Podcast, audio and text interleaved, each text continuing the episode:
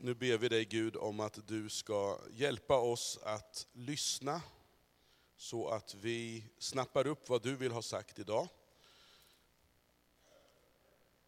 Amen. Ja. I eh, vår församling här, Korskyrkan, så har vi precis som Johan här var inne på i början, en visionsformulering som sätter ord på vad vi vill vara.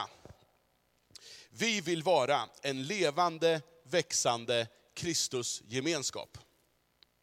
Och idag så ska vi försöka sortera lite i vad det innebär att vara levande.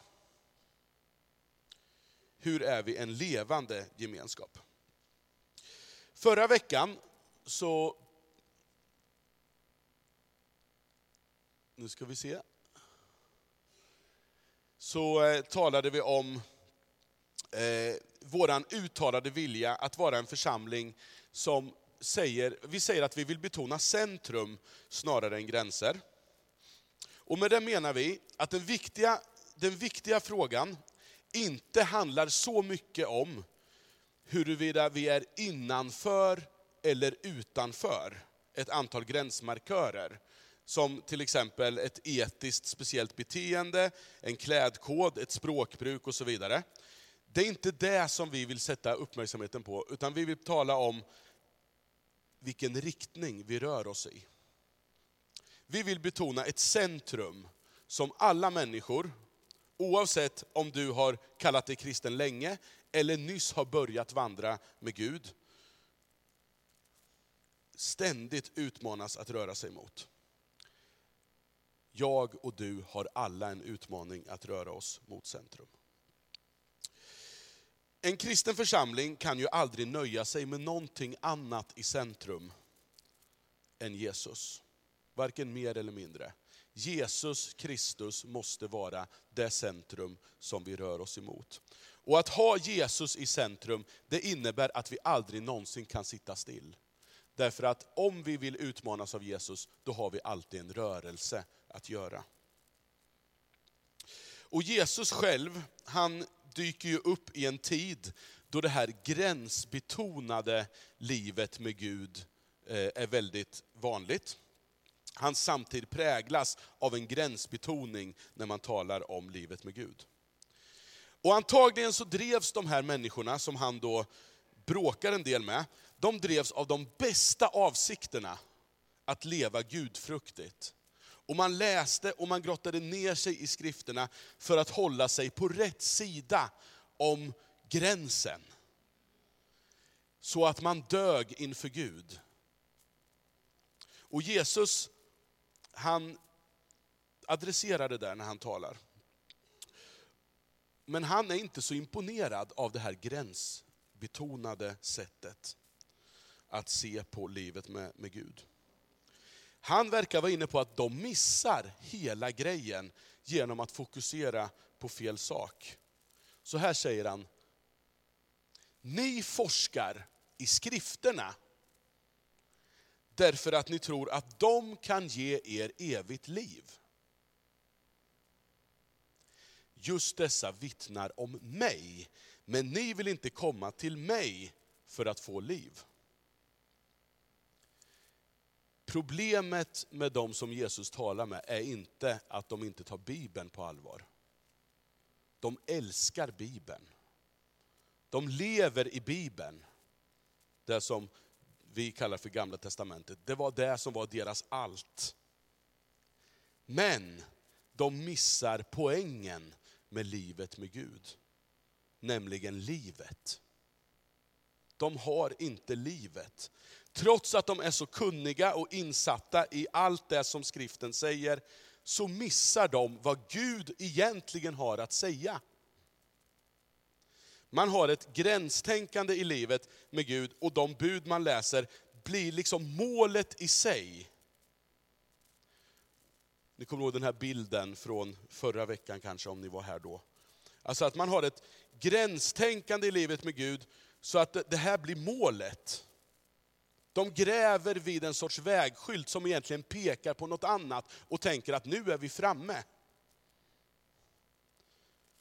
Jesus är vad Gud har att säga.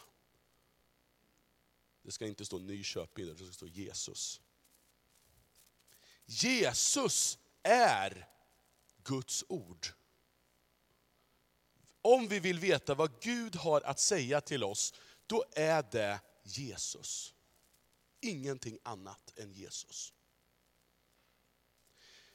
Jesus är Guds ord och Bibeln brukar vi kalla Guds ord. Men Bibeln är bara Guds ord i den meningen att det leder oss till Jesus.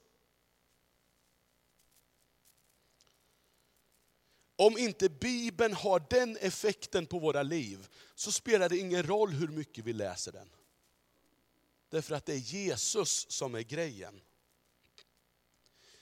Om inte Bibeln sätter oss i rörelse mot Jesus, så fyller den inte den funktion som den har tänkt.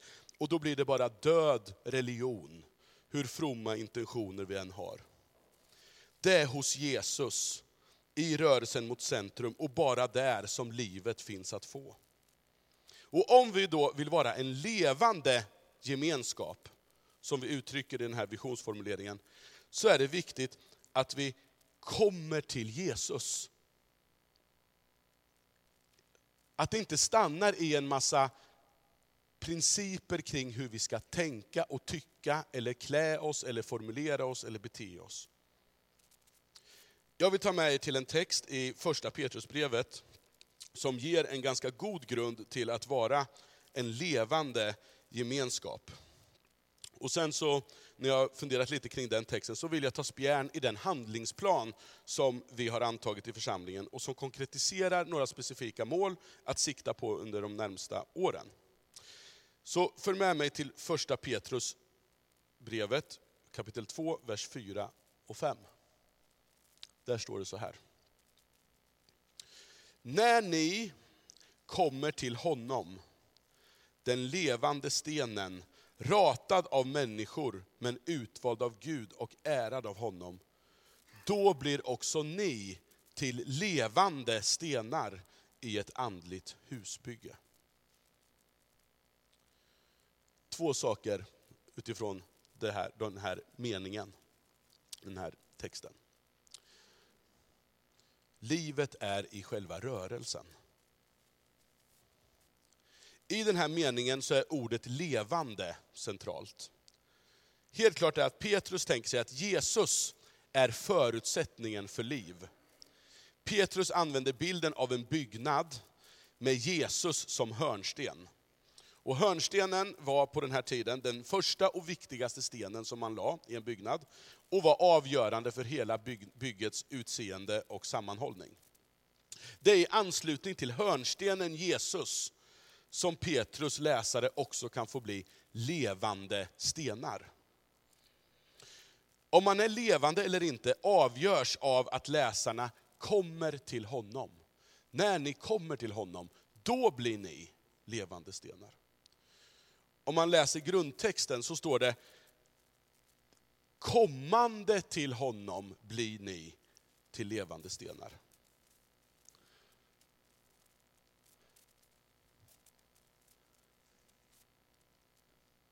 Ja, där. Kommande till honom. Det är i själva rörelsen av att närma sig Jesus som vi också får del av livet. Mot centrum, om vi anknyter till den bilden. Livet från Jesus får vi del av i rörelsen mot Jesus. Och då är inte det primära hur nära eller långt bort från Jesus jag befinner mig i, utan hur, i vilken riktning jag rör mig. Det är det som ger mig liv.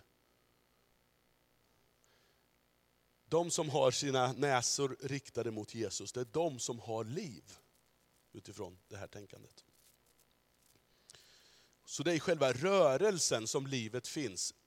livet finns aldrig i ett statiskt religiöst, Eh, en statisk religionsutövning, utan den finns i en rörelse mot Jesus.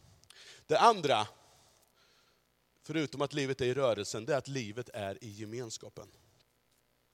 För i den här rörelsen mot Jesus, som gör läsarna till de här levande stenarna, så blir vi inte bara sammanfogade med Jesus, utan också med andra.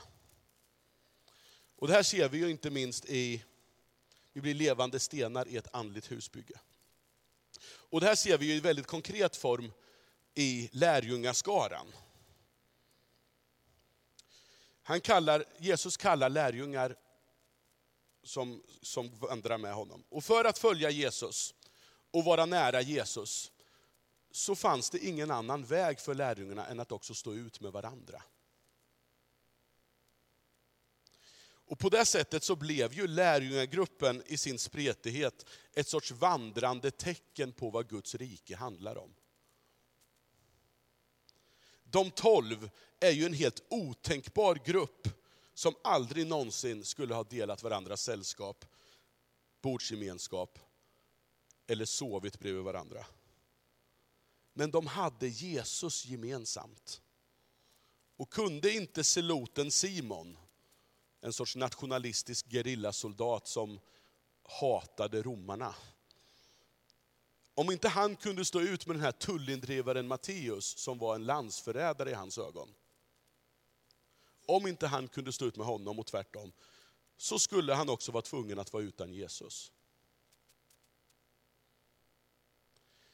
Petrus, som skriver det här brevet, menar att i kommande till Jesus så sammanfogas de troende oundvikligen också med varandra och blir tillsammans en byggnad med Jesus som hörnsten. En enda sten kommer aldrig kunna bli något hus. Du kan inte sitta och vara ett levande tecken på Guds rike ensam. Du behöver fler människor, vi behöver varandra, vi behöver gemenskap. Och stenarna tillsammans bär upp varandra och hjälper varandra att vara på rätt plats i den här väggen av stenar som är murade. Om vi som troende vill ha livet från Jesus så måste vi också välja varandra. Eller kanske ibland stå ut med varandra. För så kan det vara ibland. Att vi får stå ut med varandra. Därför att Jesus tar inte avstånd från någon som vill komma till honom. Och då kan inte vi heller göra det. Bilden av kroppen, som vi hörde läsas om här i första Korinthierbrevet 12 och finns också i Romarbrevet 12, visar också på hur viktigt det är med den här mångfalden och att varje enskild lem bidrar till helheten. Alla behövs, men man är också beroende av varandra. Livet är i själva rörelsen, livet är i gemenskapen. Den lokala församlingen, den gemenskap som vi utgör här tillsammans, är ju konkretionen, det konkreta tecknet på att vilja närma oss Jesus och varandra. Att bli en levande sten tar sig därför uttryck i något så konkret som deltagande, engagemang och ansvarstagande i det vi har gemensamt. När vi för ett drygt år sedan upprättade den här handlingsplanen som jag talade om tidigare, eh, då gjordes ju det baserade på samtal som fördes i servicegrupper och smågrupper. Eh, och det här ska då vara vägledande i just Korskyrkan de närmaste åren. Eh, och då satte vi ord på utmaningen kring att vara en levande gemenskap. Och då satte vi ord på utmaningen på det här sättet. Utmaningsområde levande.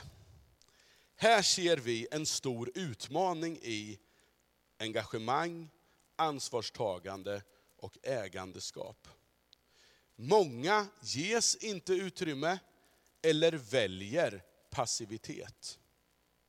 Få bär mycket.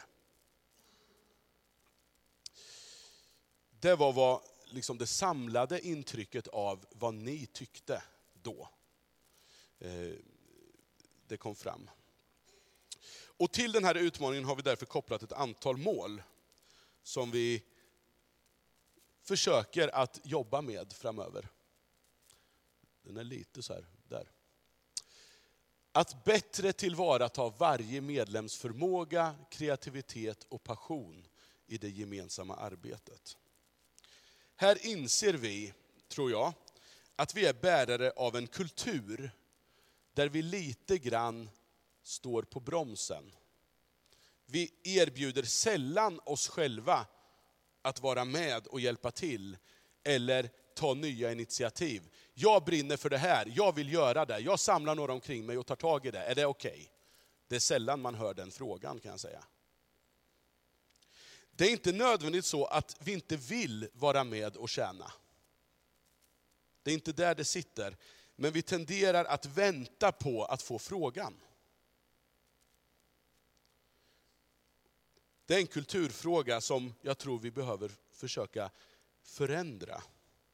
Så människor känner, här har jag någonting att bidra med och jag skäms inte för det.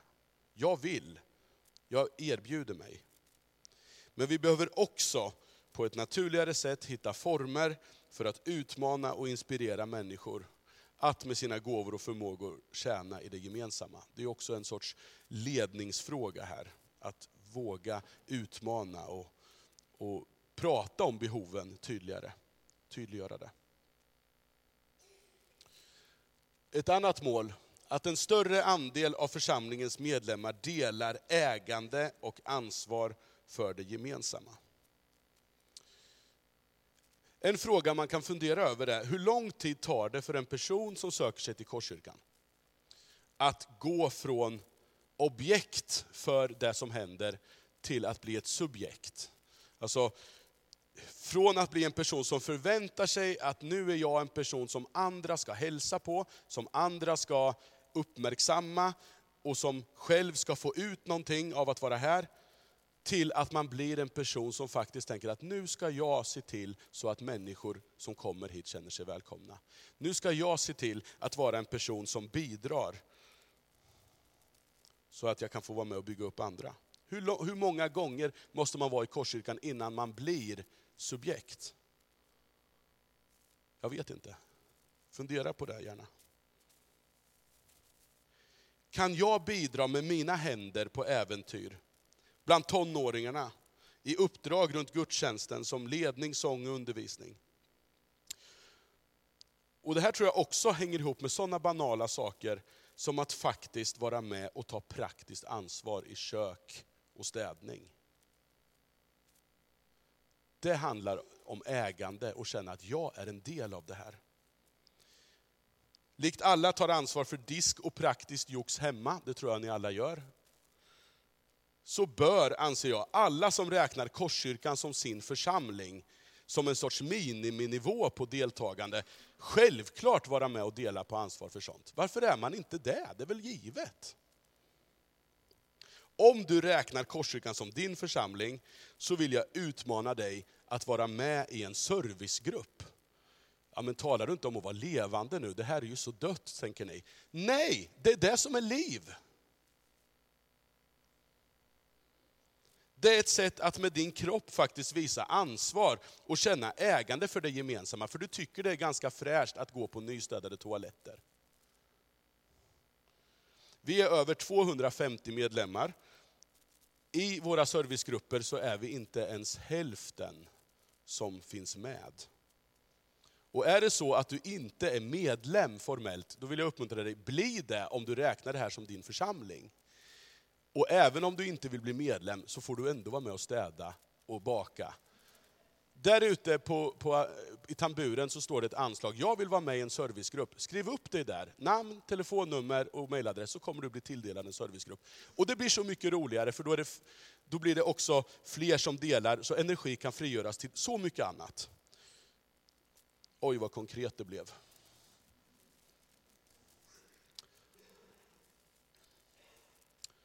Då ska vi se, där. Sen har vi två mål till här. Att bredda givarbasen så att en medlem i regel med glädje har ett regelbundet månatligt givande till församlingen. Och att öka givandet så att församlingen kan satsa mer resurser utanför sin egen lokala verksamhet. Den som regelbundet går hit och relaterar till Korskyrkan som sin församling, har ju också ett ansvar att ge till församlingen.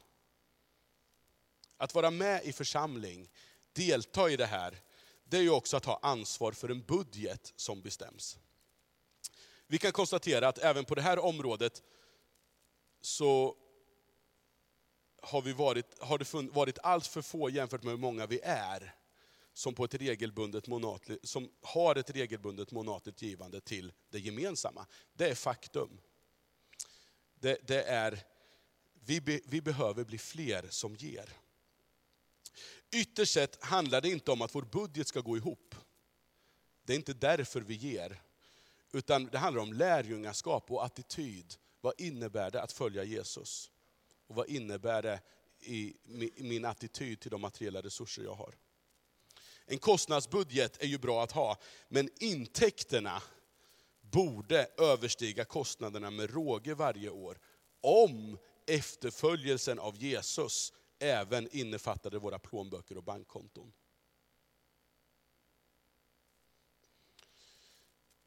Det handlar om att det är också en, en, en del av att röra sig mot Jesus.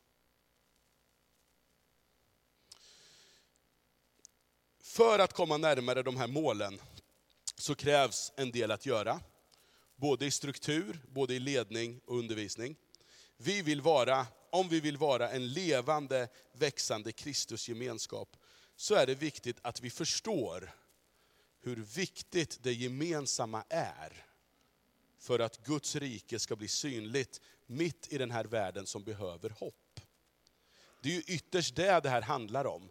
Vi vill ju att världen ska förstå att Jesus lever. Vi vill att världen ska få hopp.